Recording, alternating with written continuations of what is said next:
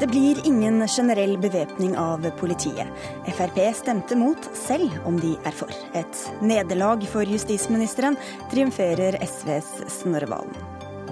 Regjeringa foreslår kraftige kutt i pelsdyrstøtta. Kan bety kroken på døra for flere pelsdyrbønder, sier næringa selv. Og alle som vil donere organer bør få skattelette, sier forfatter Erik Fosnes Hansen. Uetisk å la staten betale for organer, svarer Senterpartiet.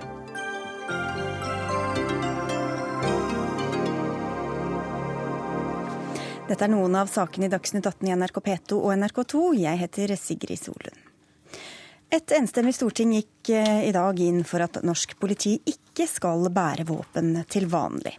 Frp stemte altså mot noe de egentlig er for, nemlig generell bevæpning. Og hvorfor gjorde dere det, justisminister Anders Anundsen? Ja, Det er sånt som dessverre skjer fra, tid til annen. Når en ikke har flertall for det som er eh, det primære, standpunktet, så må vi eh, samarbeide med de andre samarbeidspartiene våre.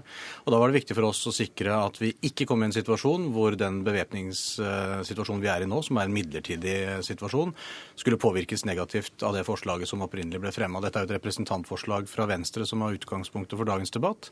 Eh, men Fremskrittspartiet er fortsatt for eh, bevæpning av norsk politi der hvor politiet mener det er eh, behov for det. Men i dag så måtte vi da inngå dette kompromisset med våre samarbeidspartier. Men Hvordan stemmer det overens med det dere sa og lovte da dere danna regjering, da? Jo, Det stemmer jo godt overens med det. fordi I regjeringserklæringen så står det jo at regjeringen ønsker å bevæpne norsk politi der hvor politiet mener det er behov for det. Og vi har jo hatt ute på høring et forslag om akkurat det. Nå fikk det litt blanda mottakelse i, høringen, eller i høringssvarene, og så får vi jo nå på en måte Stortinget imot oss. Og en mindretallsregjering er nødt til å være lydhør for det stortingsflertallet sier.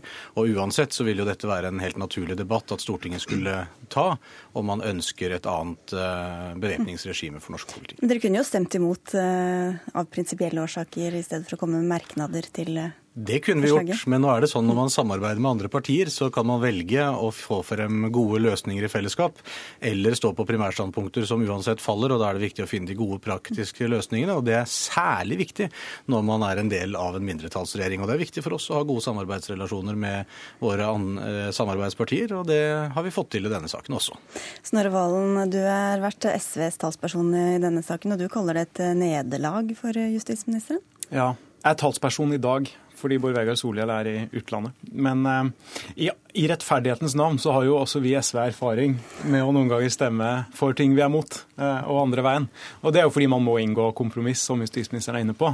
Så er jeg glad for at Fremskrittspartiet ikke har funnet flertall på Stortinget for en generell bevæpning av uh, politiet.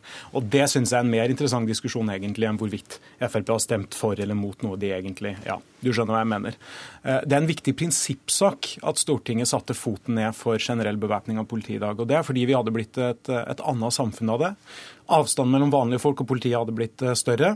Og vi hadde hatt grunn til å frykte mer bevæpning av kriminelle miljøer og flere skyteepisoder i forbindelse med politiaksjoner. Men dere ble beskyldt for å prøve å snikinnføre et eh, generelt uh, våpentillatelse, Anundsen? Beskyldninger hagler mot denne regjeringen og justisministeren rett som det er. Det betyr ikke det samme som at det er noe hold i de beskyldningene. Men jeg er uenig med, med Valen når han kommer med påstander om hvordan Norge vil reagere på en generell bevæpning. Og selv om dette er noe helt annet enn den situasjonen vi befinner oss i nå, så er det jo ikke rapportert om uønska hendelser i den perioden som vi nå har hatt alminnelig bevæpning i en spesiell situasjon som skal avvikles. Men det skaper i hvert fall noe erfaringsgrunnlag som viser at eh, det Valen sier ikke nødvendigvis er riktig. Og så er det også viktig å huske at i Norge så har vi et av verdens best utdannede politi. Eh, de har god våpentrening, de har god opplæring, og de har en helt annen konfliktløsningstilnærming enn politi veldig mange andre steder i verden. Derfor er det litt eh, søkt egentlig å sammenligne f.eks. med Sverige, som har en helt annen politiutdanning, England akkurat det samme. Ja, Også tall fra Danmark viser jo eh, at bevæpning av politiet både kan føre til flere skyteepisoder og mer bevæpna kriminelle miljøer så syns jeg ikke det er så søkt å sammenligne med Sverige. Riktignok er det noen forskjeller i utdanning og også i kultur, eh, men de har jo en frekvens av skyteepisoder hvert år som er langt høyere enn det forskjellen i befolkningstall skulle tilsi. Hvis det hadde vært sånn at vi de siste månedene pga. den midlertidige bevæpninga av politiet hadde hatt en rekke uønska skyteepisoder, så hadde jo det vært forferdelig alvorlig. Og Vi er jo alle glad for at det ikke har skjedd, men jeg syns det er et ganske dårlig argument for å argumentere for å innføre generell bevæpning. Og så syns jeg det er verdt å merke seg at justisministeren gjør nettopp det. Han bruker det som han helt uttalt sjøl sier er et unntak pga. en midlertidig sikkerhetssituasjon, for å begynne å argumentere for en generell bevæpning av politiet.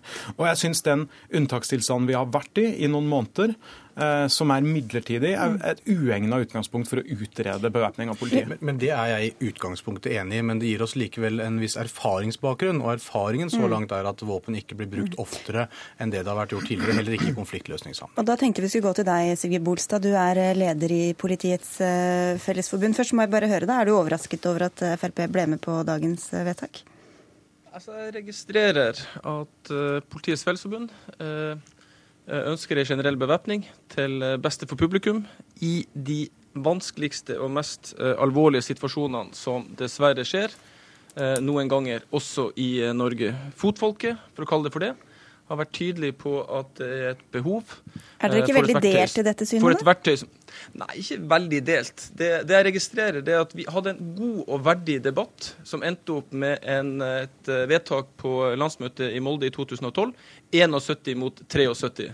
71 unnskyld, mot 53. Eh, Men det vi registrerer nå, etter at den generelle bevæpninga ble innført eh, tirsdag 25.11. i fjor, eh, da som et resultat av den økte terrortrusselen, er at de undersøkelser som er gjort, er at stadig flere i etaten er positive til generell bevæpning. Og publikum de opplever ikke at man mister det sivile preget. Så de som mener at norsk politi i løpet av dette eh, halvåret, eh, ca. halvåret, og at befolkninga har opplevd et mer ja, la oss kalle det for mer militant politi og et mindre sivilt eh, politi, de tilbakemeldingene har definitivt ikke vi i Politiets Fellesforbund fått. Men hvilke, hvilke, eller hvor mange episoder har dere og sikre erfaringer med at ting ville gått annerledes og verre hvis dere ikke hadde hatt den generelle bevæpningen? Altså det, vi har, eh, det vi har fått, vi har, vi har fått en del uh, tilbakemeldinger. og Det, det knytter seg til episoder. Jeg brukte to eh, eksempler tidlig i, i morges da jeg var på NRK her.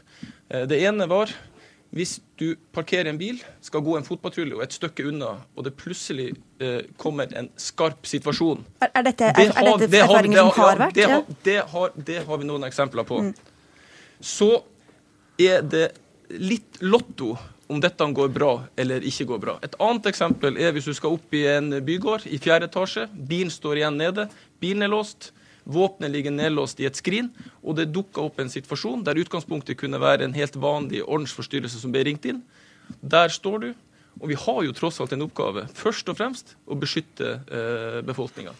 Og det, det, det, jeg registrerer at man nå har tatt i stilling til, det at det er akseptabelt at det skal ta lengre tid før politiet kan håndtere en situasjon i en skarp eh, situasjon. Ja, fordi det man ikke stemte for som, mm. det. Det må vi som politi bare føye oss etter. Demokratiet har talt, men vi har vært veldig tydelige. Fotfolk har vært tydelige på hva man har behov for.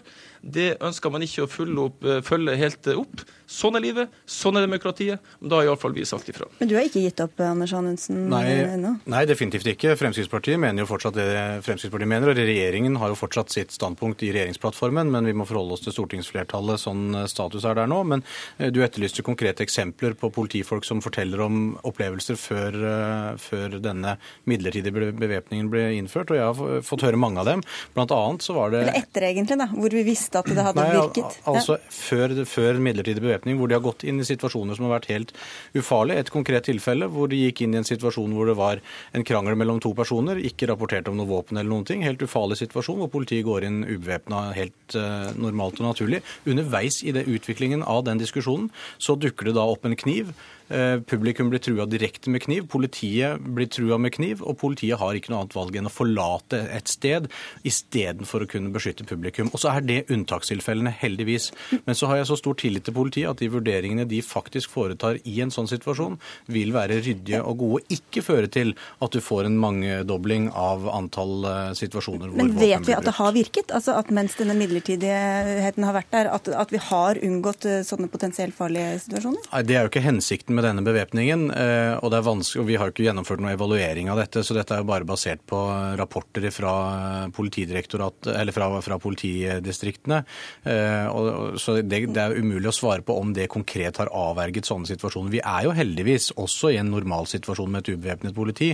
Et politi som har en ganske rask reaksjonsevne med våpen også i dag, gjennom fremskutt lagring, både med én- og tohåndsvåpen. Så det er åpenbart en forsikring i det. Spørsmålet er bare om du skal ta det hakket lenger eller la det være. Stortinget har i dag bestemt at skal, man skal ikke dra det lenger. ja, og Det har ikke hatt noen sånne episoder som du har advart mot, Snarvalen. Nei, jeg har stor respekt for Politiets Fellesforbund sine, sine, argumenter, men jeg vil advare litt mot å bruke enkeltepisoder som argument i denne diskusjonen. Den er først og fremst politisk og prinsipiell om hva slags politistyrke vi vil ha. Det går an å argumentere helt andre veien. Altså, vi kjenner jo til en episode der politifolk i Sverige på tragisk vis ble henretta med sine egne tjenestevåpen. Jeg syns heller ikke det nødvendigvis er et veldig vektig innlegg i debatten. Det det her er, en prinsipiell diskusjon. Våpen kan føre til en, eh, en falsk trygghet. Eh, nå skal jeg bryte mine egne regler og komme med et enkelteksempel sjøl, men jeg syns det er litt illustrerende. Vi var jo begge på nobelpristildelinga nå i, i vinter. Eh, det var nok skytevåpen i Oslo rådhus, for å si det sånn, men det hindra ikke en meksikansk student i å kunne ta seg helt fram til scenen under fredspristildelinga. Til gjengjeld ble han jo ikke skutt av noen, da. Så... Og Det skal vi være glad for, men, men, det er først og fremst punktsikring, objektsikring og gode systemer som gjør oss trygge. Ikke høyere tetthet eh, av våpen, men det øker risikoen for et mer bevæpna kriminelt miljø og flere skyteepisoder som kunne vært unngått. Hvor lenge skal den midlertidigheten fortsette, da? Ja, Det lurer jeg òg på. Hva er forskjellen da egentlig på en generell bevæpning eller en midlertidig? Ja, Forskjellen er at dette er situasjonsbetinga. Dette er basert på at det foreligger en trusselvurdering hvor, i mange år, da? Eller? hvor politiet selv er mål. Eh, det vet vi jo ikke hvor lang tid dette vil eh, foregå. Jeg har vært tydelig i forhold til mine krav til politiet, at de må gjennomgå sine systemer og gjennomgå egne risiko- og sårbarhetsanalyser for å se om de kan gjennomføre tiltak som reduserer behovet for bevæpning. Det er et arbeid som Politidirektoratet nå jobber med, og så må de vurdere om det er behov for å søke om en ytterligere forlengelse av denne midlertidige bevæpningen. Men jeg er veldig tydelig på at dette er en midlertidig situasjon basert på en konkret trusselsituasjon. Men det er helt umulig for en statsråd å si at dette trusselbildet eller denne risikoen den er annerledes fra en bestemt dato. Det må men, vi vurdere. Men potensielt så kan det fortsette helt til folk er bare blitt vant til det, og så har du folket på din side, for de har glemt altså, hvordan det var å ikke Nei, men Dette vurderes jo løpende. altså Det gis uh, fornyelse av midlertidigheten kun i åtte uker om gangen. og Da skal politiet ha foretatt de vurderingene som de gjør i de åtte ukene. Det kommer nye vurderinger fra Politiets sikkerhetstjeneste. Så det følges nøye opp. Regjeringen vil forholde seg til at vi skal ha et ubevæpnet politi. Mm. Samtidig er vi nødt til å ha muligheten til å bevæpne når det er spesielle situasjoner, og det er vi i nå. Jeg skulle ønske at justisministeren etter hvert kunne være litt mer åpen og konkret om trusselnivået i Norge. For det er klart at når regjeringa eh, kun fortsetter å si at vi har en generell trusselsituasjon i Norge som tilsier at alle politifolk skal være bevæpna, da er det veldig vanskelig for oss eh, å forholde oss på Stortinget. Og dessuten så opplever vi jo nå at midlertidig bevæpninga brukes indirekte som argument for å innføre en fast bevæpning av politiet. Da er vi litt ute å kjøre, synes jeg. Så jeg håper på mer åpenhet fra regjeringa i neste runde. Du skal få slippe til, jeg skal bare høre helt avslutningsvis også med Sigurd Bolstad. Da håper du at dette midlertidige, altså at det gir så gode erfaringer at folk også, også både både demokratiet snur, for å bruke ordet som Anders Anundsen eh, brukte i stad? Altså Først og fremst, altså, Det vedtaket som vi har i Politiets Fellesforbund, er til beste for publikum. Utgangspunktet er at fotfolk har sagt at de har behov for et verktøy til. Og jeg presiserer i de få hendelsene, heldigvis, der det viser seg å være nødvendig. Og det finnes flere eksempler på det. Og hvis det, hvis, hvis det politisk blir bestemt, og demokratiet taler, og vi, demokratiet føyer vi oss selvfølgelig etter, det skulle bare mangle, så er vår tilbakemelding at da vil i disse eh, situasjonene så vil det ta noe lengre tid enn det ellers ville ha tatt. Og Da har vi vært veldig tydelige, og åpne og ærlige og direkte og fortalt hva konsekvensene kan være. Det fortjener publikum å høre. Det tar lengre tid å finne et skytevåpen som ligger i en eh, låst bil, i et låst skrin okay. i bilen. Så enkelt og så vanskelige fakta. Jeg er jo enig med Bolstad i den vurderingen. og så er jeg for så vidt også enig med, med Valen i at en ikke bør bruke den midlertidige bevæpninga som argument for uh, generell bevæpning. Det er vi enige om, men det gir oss likevel noen erfaringer mm. i forhold til uh, de påstandene som kommer fra, fra, Valen. Men jeg har lyst til å si i forhold til åpenhet og konkret, vi er betydelig mer åpne enn det noen gang har vært tidligere om det trusselbildet vi faktisk står i. PST offentliggjorde sin spesielle trusselvurdering som førte til denne midlertidige bevæpningen i oktober i fjor. De hadde sin ordinære trusselvurdering i februar i år. Så det er åpenhet, og det er konkret. Og jeg har også sagt, eh, etter at jeg hadde møte med den utvida utenriks- og forsvarskomiteen tidligere denne uken, at jeg er innstilt på å komme til Stortinget og redegjøre for dette i forkant av en eventuell forlengelse av den midlertidige bevæpningen. Vi får takke av der og ønske på snarlig gjensyn til Anders Anundsen, Snorre Valen og Sigve Bolstad. Dagsnytt 18 alle hverdager klokka 18.00 på NRK P2 og NRK2. 90 millioner kroner, det er hva regjeringa tilbyr bøndene i årets jordbruksoppgjør. Det er under en tidel av hva bondeorganisasjonene krevde. Men ser man 2014, 2015 og 2016 under ett, sitter bøndene igjen med en lønnsvekst på over 10% Det skyldes bl.a. at Stortinget mot all sedvane plusset 250 millioner kroner på statens tilbud i fjor, etter at forhandlingene havarerte. Eh, Leif Forskjell, du er departementsråd og statens forhandlingsleder. 10% lønnsvekst blir jo gjerne trukket fram eh, av dere, men neste år skal altså bøndene bare få 1,75% altså mindre enn resten av oss. Hvorfor det? Nei, utgangspunktet er jo at lønnsoppgjørene nå har gått i havn med 2,7% og lønnsveksten for andre grupper er på vei ned. Eh, for jordbruket og da situasjonen sånn som du allerede har redegjort noe for, veldig positiv. En veldig hyggelig utvikling inn i 2015. Så da stopper vi den utviklinga altså, der? Før, før uh, årets jordbruksoppgjør så har jo jordbruket fått en, en inntektsvekst på 8,7% og Så mener vi det er rimelig å se ting noe i sammenheng over år, og legge til rette for at lønnsveksten over to år, sånn som du redegjorde for, blir noe over 10% dvs. Si 5% fra år til år. Og dette er jo da vesentlig mye mer enn andre grupper, og et, eh, må jo være et veldig godt utgangspunkt for videre forhandlinger. Men bøndene mener selv at de kom med et veldig beskjedent uh, krav, som jo var under en tidel av det dere, dere presenterer som tilbudet, og kutter de statlige overføringene med 110 millioner kroner.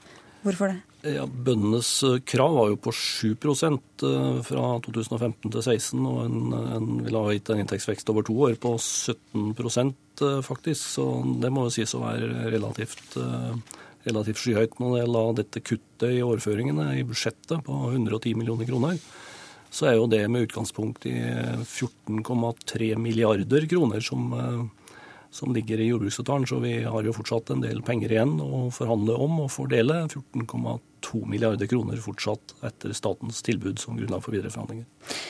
Lars Petter Bartnes, du er leder i Norges Bondelag. Blir det nye aksjoner i år også som følge av dette? Eh, det er betydelige reaksjoner eh, på det tilbudet som er lagt fram i dag. Eh, bønder har sett fram til det tilbudet som skulle komme. Man er skuffa, veldig skuffa over det som er lagt fram. Og det er den satsinga som har vært gjort gjennom flere år, som er grunnlaget for den offensiviteten næringa har lagt for dagen, som, som får en knekk her. Dette tilbudet er ikke eh, egnet for å bygge norsk landbruk opp til det det skal være, og produsere mer mat til en eh, økende befolkning. Hvorfor ikke det? Nei, Det er rett og slett det at eh, man kutter i overføringene, 110 millioner kroner som du peker på, det, det, er helt feil vei å gå. Det er nødvendig å uh, bruke overføringer til jordbruket for å utvikle evnen til å produsere mat over hele landet. Det er viktig for oss å sikre at små og store bruk uh, har mulighet til å utvikle seg uh, til å, å, produsere også i framtid. Men hvorfor skal dere ha en så mye høyere inntektsvekst enn det resten av befolkninga, altså over 10% Det er sånn at vi ligger en plass mellom 150 og 200 000 kroner bak andre grupper. Det er viktig å få redusert den inntektsavstanden videre framover. Eh, og eh, i forhold til rekruttering er det et poeng. I forhold til å produsere mer mat eh, til en voksende befolkning er det et poeng. Og ikke minst, jordbruket leverer store volum inn i en næringsmiddelindustri som er viktig industrigrunnlag i den norske verdiskapninga. Altså, et, En annen følge av tilbudet er at maten skal bli dyrere. 190 eh, millioner kroner skal tas ut der. Hvor mye kommer det til å utgjøre for en vanlig husholdning? Ja, det kommer ikke til å merkes eh, veldig tydelig for en vanlig husholdning hvis eh, det blir velta videre av industrien og av handelen, som da, det er jo handelen som fastsetter prisen i butikk. Men eh, hvis man da tar dette videre og ut i butikk, så vil det øke, kunne øke prisene med 0,1% fra 1.7, eller noe rundt 80 kroner for en gjennomsnittlig husholdning. Slik at det er ganske beskjedne prisøkninger. Men det er også ganske vesentlig for jordbruket, fordi eh, jordbruket og næringsmiddelindustrien, som Lars Petter Bartnes er inne på, er jo i en konkurranseutsatt eh, situasjon. Det norske markedet for matvarer er beskytta av eh, tollsatser, men det er ikke lukka. Og Importen øker, grensehandelen er en utfordring. Prisene i nære naboland har falt mye i det siste. Slik at det også av hensyn til jordbruket sjøl kan være en, en, veldig fornuftig tilpasning, og ikke, ikke øke prisene mye. Og Det er da vi reagerer ganske kraftig på at man i tillegg eh, kutter på budsjettoverføringene. Eh, eh, staten er jo inne på at man bruker vel 14 milliarder kroner på jordbruket. Det er under 1% av statsbudsjettet. Det er ikke store, store summer som brukes for å skape de verdiene som, som, blir skapt i norsk jordbruk. Vi har en sysselsettingseffekt på godt 90 000 årsverk i norsk jordbruk. Det er en verdiskapning fra primærleddet, altså på bondenivå, på nesten 40 milliarder, og gjennom industri industrien 130 milliarder kroner. Sånn at det er den største og den viktigste fastlandsindustrien eh, vi, vi her snakker om. Og eh, Stortinget har stilt krav til at jordbruket skal produsere mer mat til en voksende befolkning, og det ønsker vi å levere på. Vi skal lage mer mat, tryggere mat, eh, mer lokal mat, spesialisert mat. Hvordan henger dette sammen med det tilbudet dere kommer med? Jo, det henger godt eh, sammen, eh, det. Jordbruket og Lars Petter Bartnes eh, bør jo nå glede seg over at det er veldig mange positive utviklingstrekk i jordbruket, inntektsmessig bl.a. At vi kan få en god inntektsutvikling i jordbruket uten å øke prisene, som da kan ødelegge markedet og salget for jordbruket. En veldig beskjeden reduksjon i budsjettet vi har fortsatt 14,2 milliarder kroner igjen å, å, snakke om. Og vi satser også på, på, spesialiteter som eh, da eh, befolkningen i stadig større grad etterspør. På matstreif i Oslo, på matfestivaler rundt omkring i hele landet. Vi kommer også med en stortingsmelding om det spørsmålet ganske snart. Og, da er det sånn at uh, Vårt krav som ble presentert her for godt en uke siden, uh, på 950 millioner kroner, uh, der var det inne et behov for å øke budsjettoverføringene med 490 millioner. Det er den stimulansen som må til for at de små og mellomstore brukene landet rundt skal ha mulighet til å levere på, på, på de bestillingene som, som ligger blant folk fra Stortinget og vi i næringa ønsker å levere på det. Hvilke strukturelle grep tas det, i tillegg også til eh, summene? Som, og hvordan kommer det til å slå ut på små, mellomstore og store bruk? Altså Når man svekker overføringene til jordbruket, så svekker man også eh, distriktsjordbruket. De små og, store, eh, små og mellomstore brukene får, får svekka mulighet til å utvikle seg. Og Det er jo, det er jo de brukene som folk er glad i. Altså Det er jo dem som steller landet rundt. Det er dem som bidrar til biologisk mangfold. Og eh, ikke minst et eh, flott landskap som bringer turistnæringa opp på et på et godt nivå her til lands.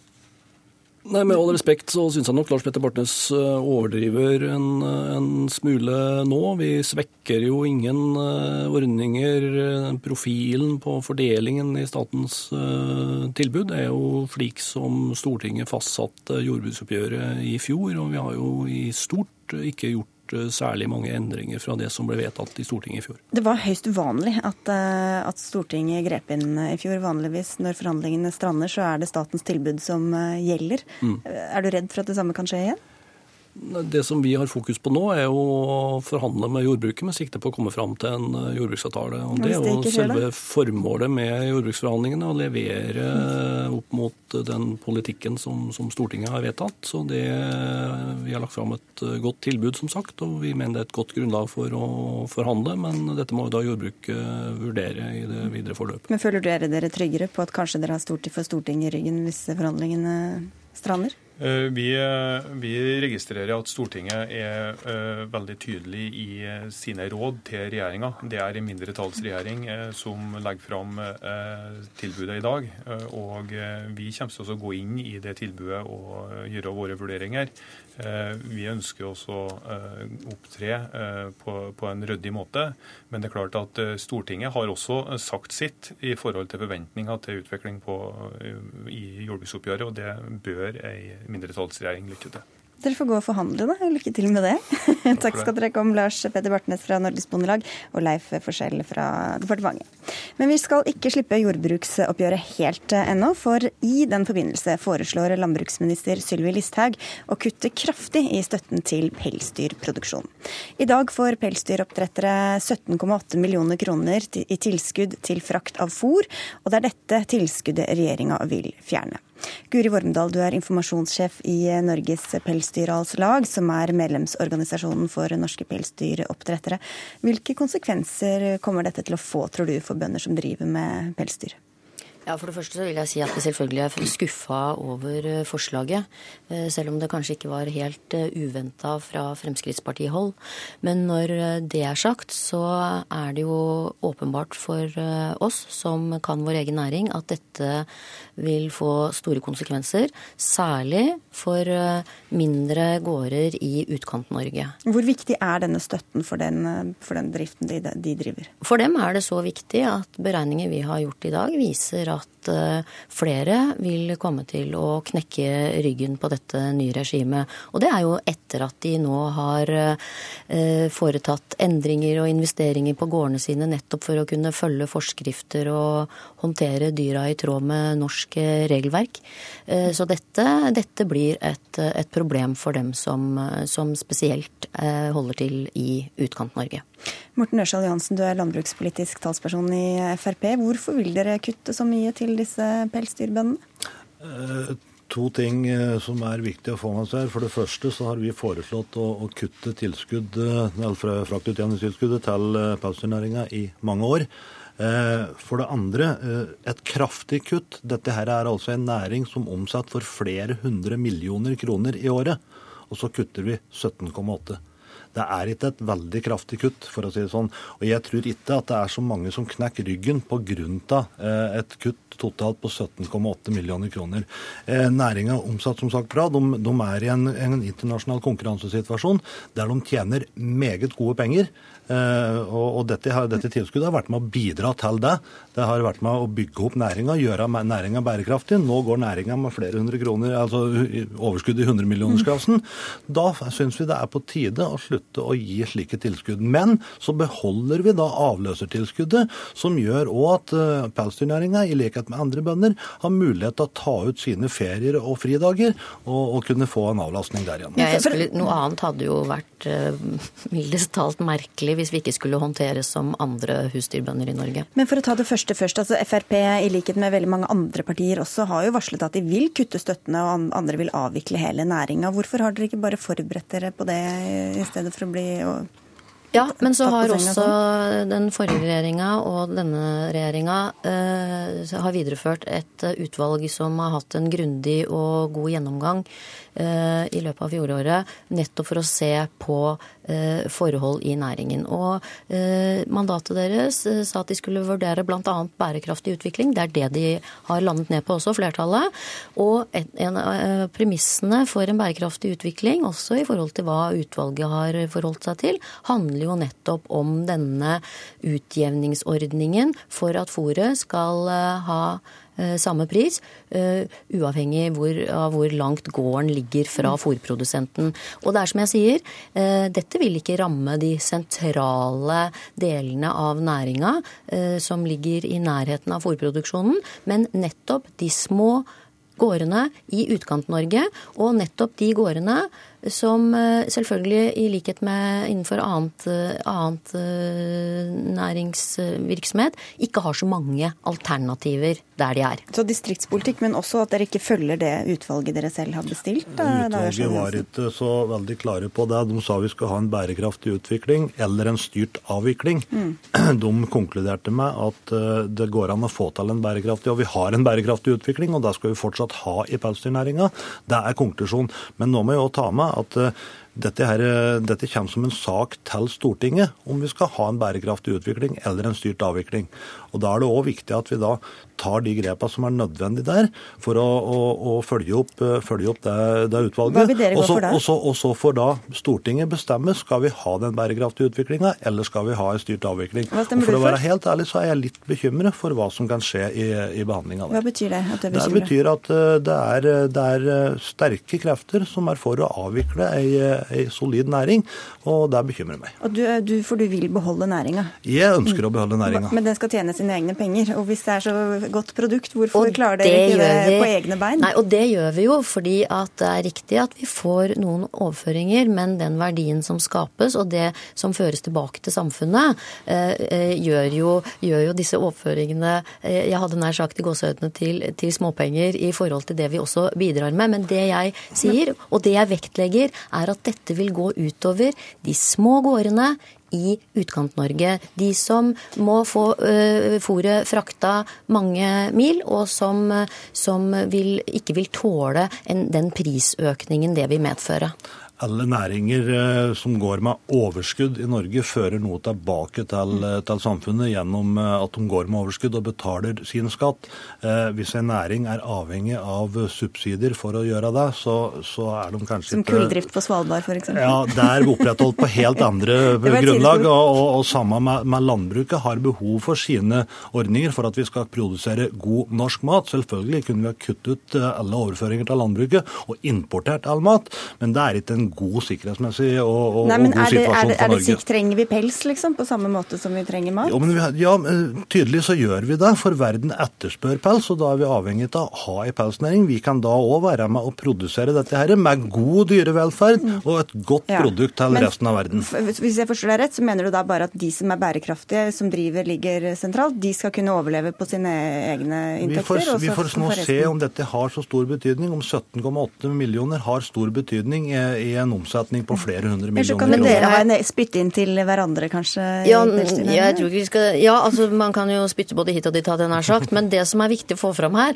er at vi har, eh, vi har eh, fått til et opprop blant norske ordførere i Norge. Og 107 ordførere i Norge eh, har eh, signert på et opprop for, for næringas eh, videre eh, virksomhet. Og det som er interessant her, er at det gjør ordførerne nettopp fordi at det er viktig i små utkantkommuner. Og, og sånn sett så fører vi jo et bevis for at, eh, at det har en betydning der de er. Og det er jeg helt enig i, men det oppropet sier ingenting om transportstøtte. Nei, og så får vi se om de roper helt inn i Stortinget når saken skal behandles der. Tusen takk skal dere ha for at dere kom til Dagsnytt 18.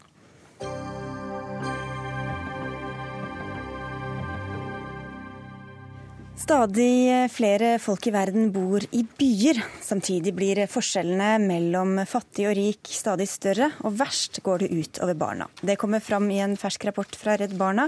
Og generalsekretær i Redd Barna, Tove Wang, hvorfor er det sånn, tror du? Altså, det er jo en kraftig økning av befolkninger i byer, og mange flytter fra landsbygda inn til byene, særlig i afrikanske land, og fattigdommen flytter etter. Og det vi ser er at eh, Av eh, alle som bor i byer, så bor en tredjedel i slumområder. Og et slumområde betegnes jo av et område som er dårlig utvikla. Kanskje de bor i skur, ikke noe infrastruktur, ikke vann- og kloakksystemer. Og de bor veldig tett. Og disse menneskene kan jo bo et steinkast unna en helseklinikk, men de har ikke tilgang, for de har ikke muligheten til å betale for den tjenesten de trenger på helseklinikken. Men, men hvorfor er det bedre å være fattig på, på landsbygda enn enn i byen og i slummen? Vi sier ikke at det er bedre å være fattig på landsbygda enn i byen. Vi sier at vi trenger et økende fokus på det store antall kvinner og barn som har en dårlig helsesituasjon i byer. Og så er det en økende forskjell mellom fattig og rik i byene. Den, det gapet øker i større grad enn på landsbygda. Professor emeritus ved Institutt for byforming og planlegging ved NTNU, Hans Skotte. Du kan mye om byplanlegging. Hvor viktig er det for å forhindre, forhindre forslumming og fattigdom i byene? Vi kan ikke forhindre forslumming og fattigdom i byene nå. Fordi at byveksten er altfor stor til å, til å klare ut med det. Vi må finne måter hvor vi, vi, vi aksepterer at en del av byene har uformell eh, bebyggelse, om du vil. da. Slik at by, Når vi snakker om byplanlegging, så snakker vi jo om det som om det var sånn, planlegging her oppe i, i, i Oslo, hvor institusjonene er sterke, og hvor lovlydigheten er rimelig sterk. I land som ikke har kompetanse nok, eller kapasitet nok, eller har et rettsvesen som fungerer, så det er klart at da sklir byene ut, og de, det vokser frem byområder som er at de er uverdige, og det er jo et svakt ord også. Altså jeg har sagt til studentene mine at drit er et byspørsmål. Fordi at Når du går rundt i disse, disse, disse områdene og ikke finner toaletter og når folk I India for eksempel, så er det 50 millioner mennesker som gjør fra seg ute i det fri. Hva de har for helsetilstand. Og helseforholdene i de landene er jo helt ubegripelige. Men dette er altså bare hele områder som vokser fram av seg ja. selv, eh, så ja. å si? Og det som, det som, også er interessant, er at, og skremmende for så vidt, det er at gjennom historien så har byvekst alltid, i vår del av verden og hittil nå, vært ledsaget av økonomisk vekst. Det er det ikke lenger. Nå har altså byene, flere byene i sør, spesielt i Afrika nå, en byvekst som langt overstiger veksten i økonomien. Slik at du, du avler en fattig, du urbaniserer fattigdommen. Altså. Og så bygger de andre seg inne med murer rundt? Hva? Ja, og det, det, det, altså, Den ulikheten som rår i byene, er jo, er jo det grunnleggende underlegg, mm. årsaken til at vi har det svineriet. Altså. Men Dere skriver i rapporten om en by vi ikke, ikke tenker på som en slumby, akkurat, Washington DC. Eh, hvor eh, den kommer altså, skal vi se, i en rangering av barn overlevelse i 25 hovedstader i de rike landene, kommer den på siste plass. Ja, altså Det var kanskje noe av det mest overraskende funnet i rapporten. Da, at eh, man også i høyinntektsland har så store forskjeller mellom fattige og rike i enkelte hovedsteder. Og I Washington er det sånn at uh, hvis du er en kvinne i den fattigste delen av byen, så har du ti ganger større sjanse, eller uh, sannsynlighet for at barnet ditt dør før det fyller ett år, enn om du er en kvinne som bor i den rikeste delen av Washington. Så det er enorme forskjeller på fattig og rik. Hva er, det, hva er det det skyldes? Det skyldes jo flere ting. Det skyldes jo fattigdom, da. At noen er fattige. Det er veldig ofte unge eh, mødre som har lav utdanning. Mm. Eh, ja, og de har dårlig tilgang til helsesystemene. De må ofte betale for seg. Det er jo den samme problematikken som man ser i byer i Afrika og Asia og Latin-Amerika. At man har ikke tilgang til helsetjenestene fordi man avkreves betaling. Så det er noen av de samme eh, årsakene som du ser i andre deler av verden. Men eh, hva, enten det er da i Washington eller det er i, eh, i fattige deler av verden, hva er det som trekker folk til byene selv om ikke det venter dem noe godt liv der? Det er jo marginale forhold på landsbygda ofte, men det er jo også Byene vokser fordi befolkningen vokser i byen. Så det er jo både dette med migrasjon inn til byene og befolkningsveksten i byen som gjør at det stadig blir flere og eh, man, nå er det jo over halvparten av jordas befolkning som bor i byer, og man regner med at i 2050 så er det to tredjedeler. Og hvis man ikke setter større søkelys på denne urbane problematikken, og gjør noe for de fattigste og stenger det gapet mellom fattige og rike, så kommer jo dette til å bli eh, utrolig eh, krise, rett og slett. Ja, det, altså, der, når Vi snakker om bærekraftige byer nå, det er liksom det som er saken. Og bærekraftige byer får du ikke hvis ikke folk som bor der sjøl, kan ta vare på seg sjøl. Mm. Altså, altså, byveksten i sør er noe så dramatisk og så vanvittig. Altså, den helt, eh, det går ikke an å snakke om at den er ute av kontroll, men den, den altså, gir former som skaper det sykdomsbildet, som du snakka om. Og Det som har vært vårt anliggende i de årene vi har jobba i Afrika, det er jo å styrke kompetansen til de som går ut fra planleggingsuniversitet, altså fra universitetene. Altså Gi dem en kompetanse som svarer til de utfordringene, og ikke til det som disse idealene som vi sitter med her oppe i nord. Altså, Innenriksministeren i, et land som jeg da ikke skal si navnet på, som det heter, sier til meg at altså, dere burde ta, ta, ta med dere våre studenter til Norge og vise dem hvordan riktige byer skal planlegges. Hallo. Ja, men et av våre anliggende med denne rapporten er jo å peke på nettopp med mødre- og barnehelse, og hvordan den situasjonen er i disse urbane strøk. Og det er jo noen grep man kan ta, og noen får det bedre til enn andre. Ja. I Addis Abeba i Etiopia for eksempel, så har det vært ja, det har vært økonomisk ja. vekst i Etiopia, men det har også vært politisk vilje til å satse på de fattigste. få flere helsearbeidere, flere klinikker, og de fattige kan komme dit uten å betale. Og Sånn får man ned mødre- og barnedødeligheten. Så det er grep man kan ta, men det må mm. være politisk vilje til å ta de grepene. Og det har det ikke vært i Norge hittil. Altså I Norge? Ikke, I Norge så har altså vår innsats, de milliardene som vi bruker ute, har nesten ikke vært knyttet til byutvikling. Og den, den, den påsigende katastrofen som vi går inn, inn imot. Vi opp, mest opptatt av skogreising på landsbygda. Mm -hmm.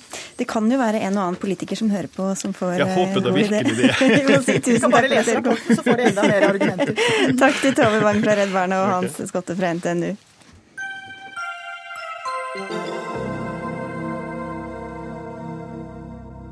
Bør vi kunne trekke organdonasjon fra på skatten? Køene vokser av mennesker som venter på organtransplantasjon, og det er bred politisk enighet om at dette er viktig. Men fortsatt er det altfor få og stadig færre som aktivt tar stilling og informerer sine nærmeste om at de er positive til å gi bort organer etter at de er døde. Debatten har gått etter at Fremskrittspartiets Ungdom på NRK Ytring skrev at staten bør gi skattefradrag til alle som vil bli donorer. Og du er en av dem som har engasjert deg med støtte til dette forslaget, forfatter Erik Fosnes Hansen. Hvorfor er det en god idé, syns du? Jeg har en nær barndomsvenn som har ventet på et livsviktig organ i mange år. Og jeg ser jo det at han har jo ikke noe Jeg vil ikke si at det ikke er noe liv, men det er et liv som går på kvart maskin i beste fall. Og årene går. Og hans beste år går. Så dette engasjerer meg litt. Og jeg tenker som så at selve tanken om at vi skal dø, at vi skal ta et aktivt skritt for å eh, si ja til å gi bort våre organer etter døden, den er det nok mange som er litt ubekvemme med. De sier nok i prinsippet at ja, det kunne jeg vel egentlig godt tenke meg. Det tror jeg svært mange egentlig ville si. Men det å faktisk gjøre det, og ta det aktive skrittet, det sitter langt inne fordi det er ubehagelig. Og da syntes jeg at ideen om å slå dette sammen med det andre store ubehaget i livet, nemlig eh, selvangivelsen, som jo også er en slags dødsopplevelse for mange, eh, så tenkte jeg at vel, altså hvorfor ikke kombinere det da med at man kan sette av et kryss der, og så kan man få en liten skattelette, eller kanskje man ikke skal få en skattelette i det hele tatt, men at det er et aktivt valg du da gjør, og hvor du krysser av år for annet om du vil gjøre dette. Vi får holde litt på den skatteletten, da. ettersom... Mm, vi, skal, vi, kan godt gjøre ja. det. Eh, nestleder i Stortingets helse- og omsorgskomité, Kjersti Toppe fra Senterpartiet. Hva syns du om eh, dette forslaget? Nei, eh, Jeg synes det er ikke noe om den koblingen mellom organdonasjon og økonomiske insentiv. Eh, den syns jeg er ganske fjern, og jeg, eh, jeg, er helt enig med behovet for at flere skal eh, være donorer og si åpent at de, de ønsker det. Men denne koblingen mot en skattelette den virker veldig fjern, og jeg tror ikke den vil ha en funksjon i, i hele tatt. Helt andre ting dette har med å gjøre. Det har ikke med penger eller skattelette å gjøre, det har med holdning og verdier og at de må få opplysning. Men hvis det virker, da? Hva kan man altså, farlig ved det? Jeg, jeg, jeg, tror ikke det virker. Og dessuten, om, det skal, om, vi nå skal gi en økonomisk kompensasjon, da, enten i form av skattelette eller en, en ren betaling, så kan en òg diskutere ja, hvordan skal en skattelette fungere. Hvorfor skal vi premiere de som er i arbeid, i skattbar inntekt? Hvordan skal en kunne kontrollere dette her? Altså, det er òg masse praktiske ting. Men først og fremst er det grunnleggende at det ikke er denne måten en sikrer flere donorer på. Her må, det må jo skje eh, fordi at du har et eh, ønske, og at det er frivilligheten som blir lagt til grunn. Ja, Det var, ble, kom noen argumenter om å betale ja, det, for organer. Og Det er jeg selvfølgelig helt enig i. at kan Staten kan ikke begynne med eh, organhandel. Like lite som staten, slik som SV har foreslått, kan liksom eie kroppen din etter døden. Det synes jeg, det går ikke. Men nå er det sånn at vi gir, eh, vi gir kompensasjon i form av skattelette for mange ting eh, i våre liv. Det gjelder for skolefritidsordning, det gjelder for forsørgerbyrder, det gjelder for det ene og det andre. Og når man tenker på hvor lite det provenytapet ville vært for staten i forhold til den innsparingen man ville gjøre hvis man nå bare skal regne i økonomiske termer og se helt bort fra de store menneskelige lidelsene som er knyttet til dette, så syns jeg det må være verdt å utrede i det minste og du sier at du tror ikke det vil virke, og du sier at du tror ikke man bør gå frem sånn. Jeg mener at man bør forsøke, fordi behovet etter donorer er så skrikende stort. Derfor bør man forsøke før man skyter forslagene ned og sier at det vil vi ikke tenke på engang. Mm. Eh, og det jeg reagerte på at også andre politikere fra andre partier med en gang skjøt det ned. Man må skille veldig tydelig mellom det som er økonomisk kompensasjon direkte i form av rede penger i hånden, som ville blitt et kjøp-salg-forhold for et organ, eller for retten til å høste organer.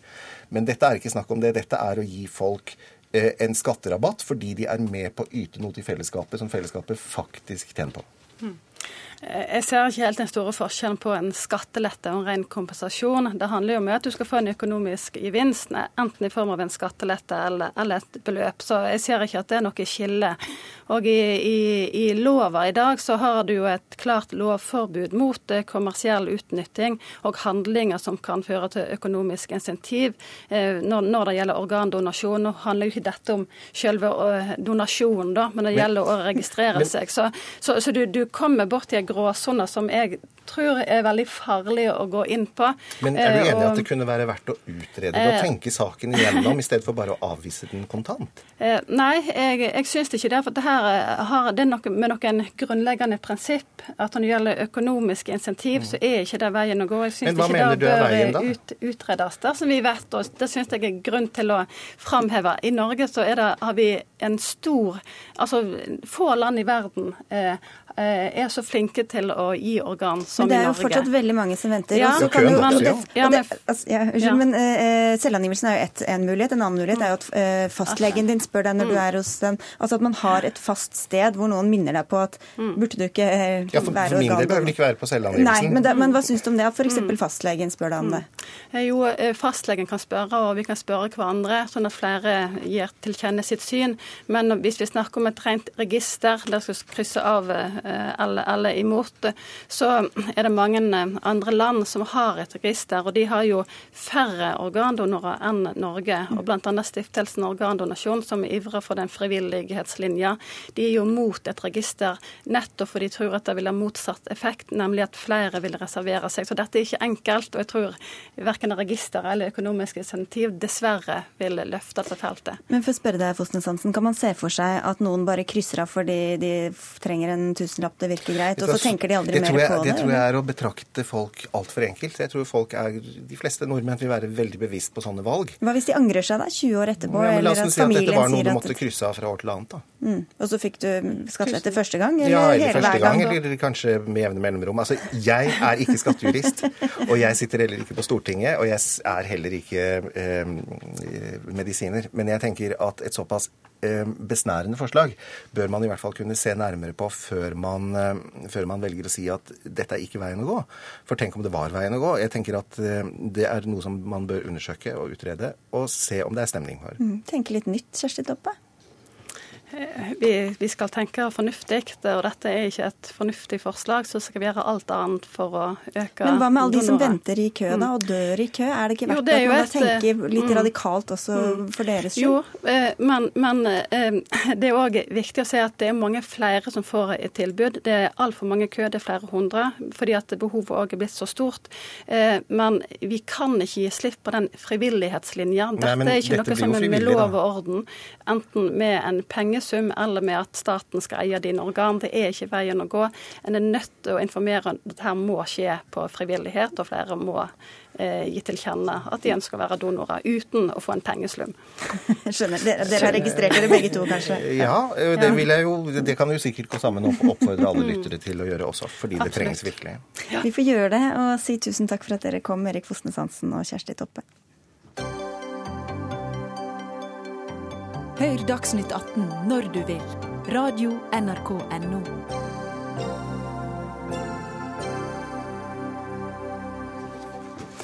Pensjonistene kan få dårligere utvikling i kjøpekraften sin enn eh, andre mennesker. Derfor varslet finansminister Siv Jensen under helgas Frp-landsmøte at hun har gitt eh, marsjordre til Robert Eriksson.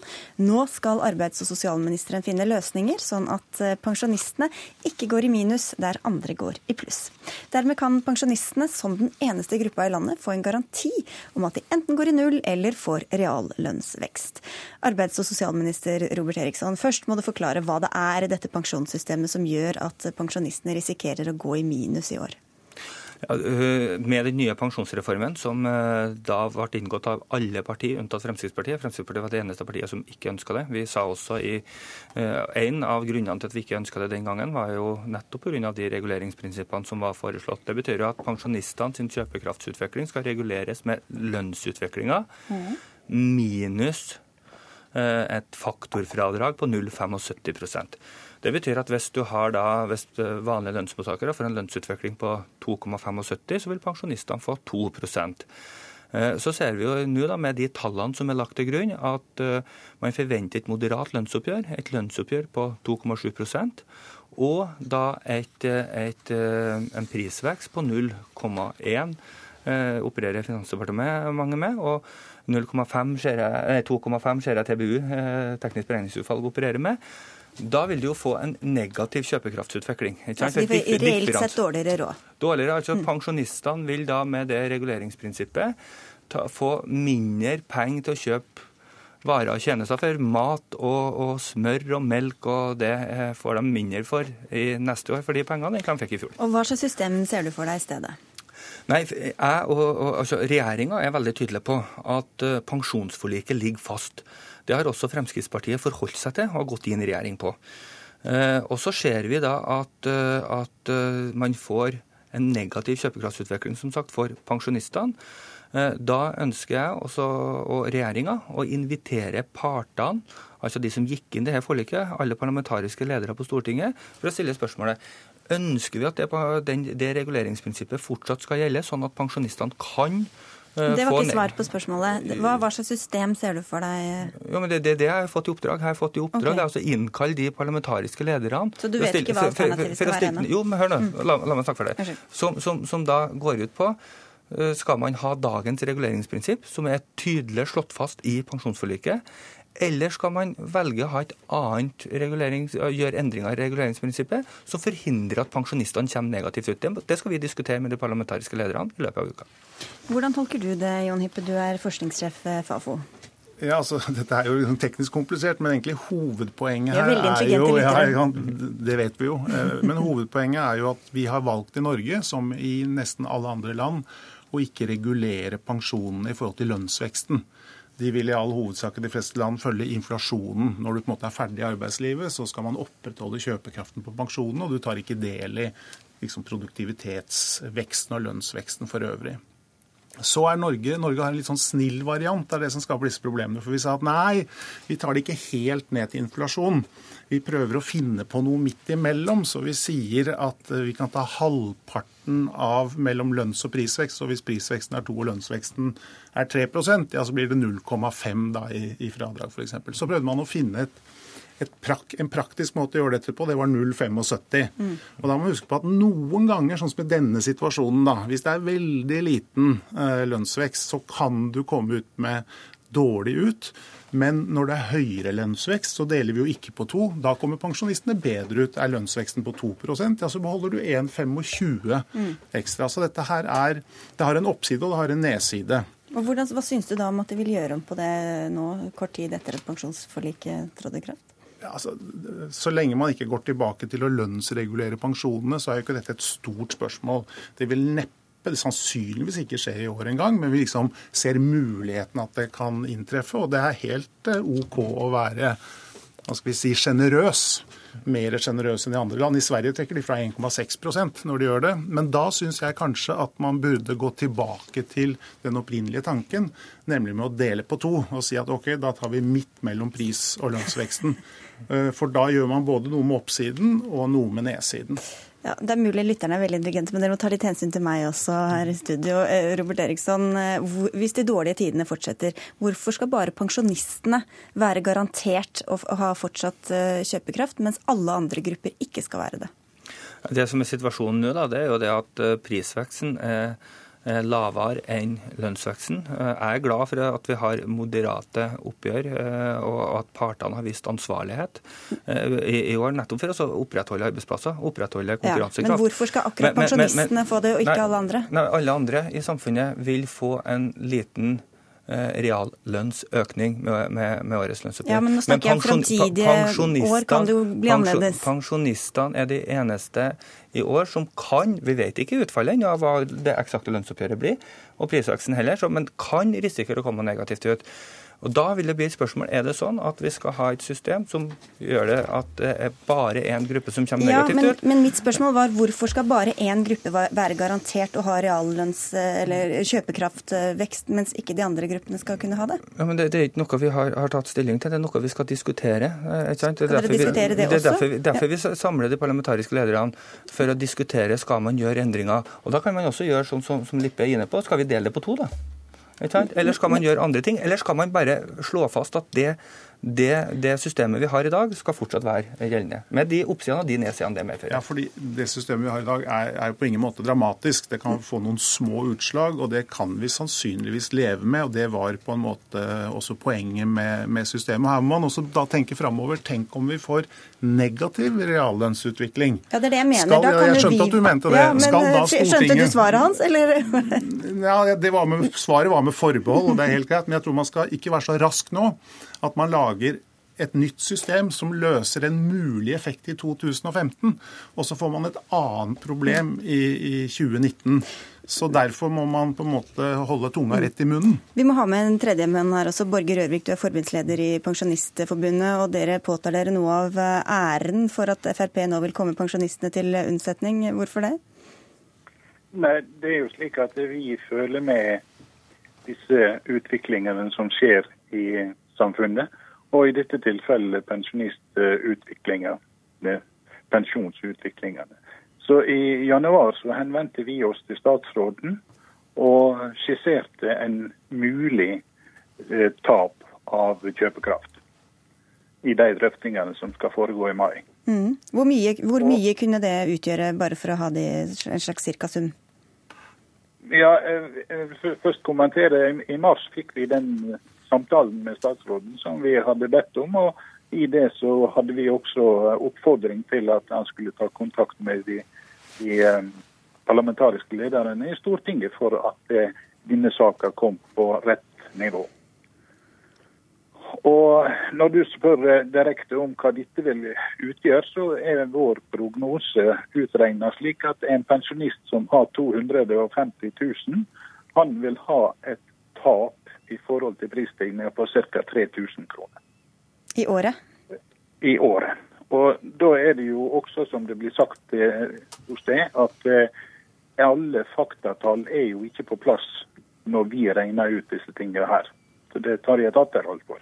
Mm. Men eh, en minstepensjonist som vil, vil, komme til å få 1500 kroner mindre på årsbasis, og det, det betyr i en trang økonomi fra før at uh, man har kanskje ikke muligheter for uh, varm middag, som vi uttrykker det på en dag i uka. må bare få skyte inn der at i, uh, i det pensjonsforliket som ble inngått, og det, de vedtakene Stortinget gjorde, så skjermet man jo minstepensjonen.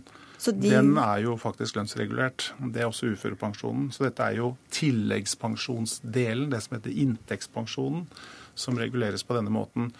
Og Det hørtes mye ut, for helt konkret, da, hvis det er 2,25% prisvekst, og det er eh, 2,75 i lønnsvekst, ja, så er jo nedgangen da på 0,25.